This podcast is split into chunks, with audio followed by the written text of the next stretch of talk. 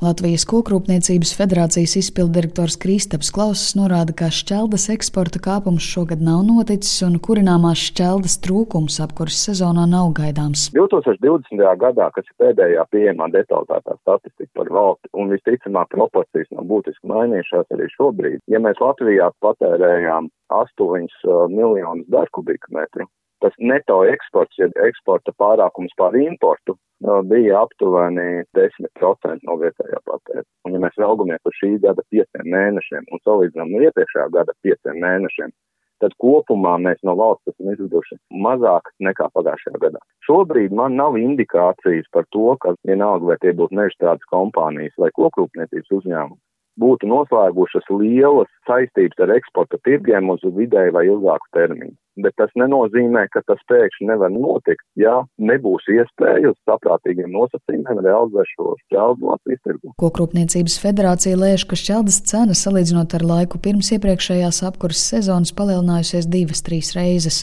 Latvijas tirgū cenas kāpumu ietekmēs nevien karš Ukrainā, bet arī iepriekš no Baltkrievijas ilgstoši importētā lētā šķelda, kas vairs nav pieejama.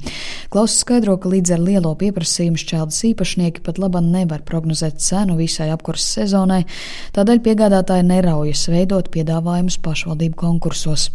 Pašvaldību konkursos ļoti daudzos gadījumos vēl joprojām ir tādi noteikumi, kas ir nesamērīgi.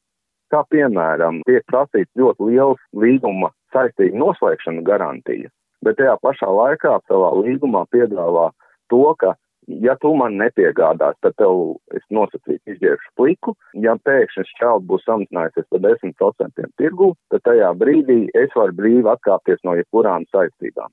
Tāpēc nav brīnums, ka daudzām katlumājām šobrīd ir grūtības pat dabūt piedāvājumus. Zemkopības ministra biroja vadītājs Jānis Eglīts no Nacionālās apvienības saka, ka salīdzinot ar aizvadīto gadu šķeldas eksports pavasarī Latvijā samazinājies par 20%.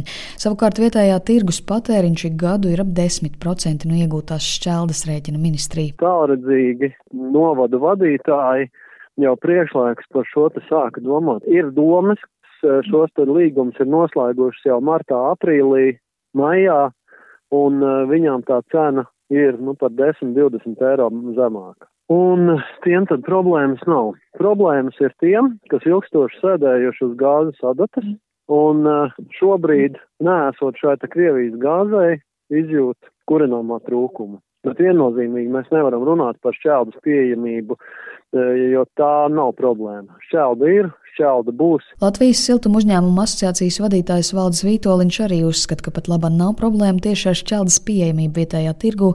Problēma ir ar augsto šķeldas un malkas cenu, kas attiecīgi ietekmēs siltuma tarifa līmeni katrā pašvaldībā. Vītoliņš gan pretēji ministrijai uzskata, ka nav nozīmes, kurā laikā slēgti līgumi par šķeldas piegādēm, jo augot šķeldas cenai, piegādātājs tos var pārtraukt. Ne, pašlaik nav iespējams izstrādāt līgumu, vienkārši šķeldas tirgotāji neslēgš šādus līgumus, kur būs kāds drastisks drastiskas soda sankcijas, tas eh, šobrīd vairāk nenotiek. Šobrīd ir pamatā, ir, ja mēs runājam par šķeldu, tad ir mm, samērā īstermiņa līgumi, viens, divi, trīs mēneši, un uz garāku termiņu šķeldas tirgotāji mm, nepiekrīt ar fiksētu cenu. To, ko valsts droši vien varētu darīt, ir domāt par instrumentiem tikai caur savu uzņēmumu, kas ir Latvijas valsts meži, Tā kā laiks nav daudz, un Latvijas valsts meža nav lielākais eh, spēlētājs šķeldas tirgu, jo tīri kā materiālu šķeldu Latvijas valsts meža ražo maz, bet Latvijas valsts meži, teikt, eh, pārdod diezgan daudz koku materiālus, tad ir iespējams, ka varētu domāt par kādu malkas apjomu palielināšanu un šī apjoma novirzīšanu nevis brīvajā tirgu, bet tieši siltumapgādes un centralizētās siltumapgādes nozarēm. Pieaugot pieprasījumam pēc enerģētiskās koksnes, valsts meža palielināja šķeldas pārdošanas apjomus līdz 30% gaidāmajai apkurses sezonai. Papildus šķeldas apjomu iegādājās kopumā seši Latvijas uzņēmumi, tostarp siltumapgādes uzņēmumi. Sinti Ambote, Latvijas radio.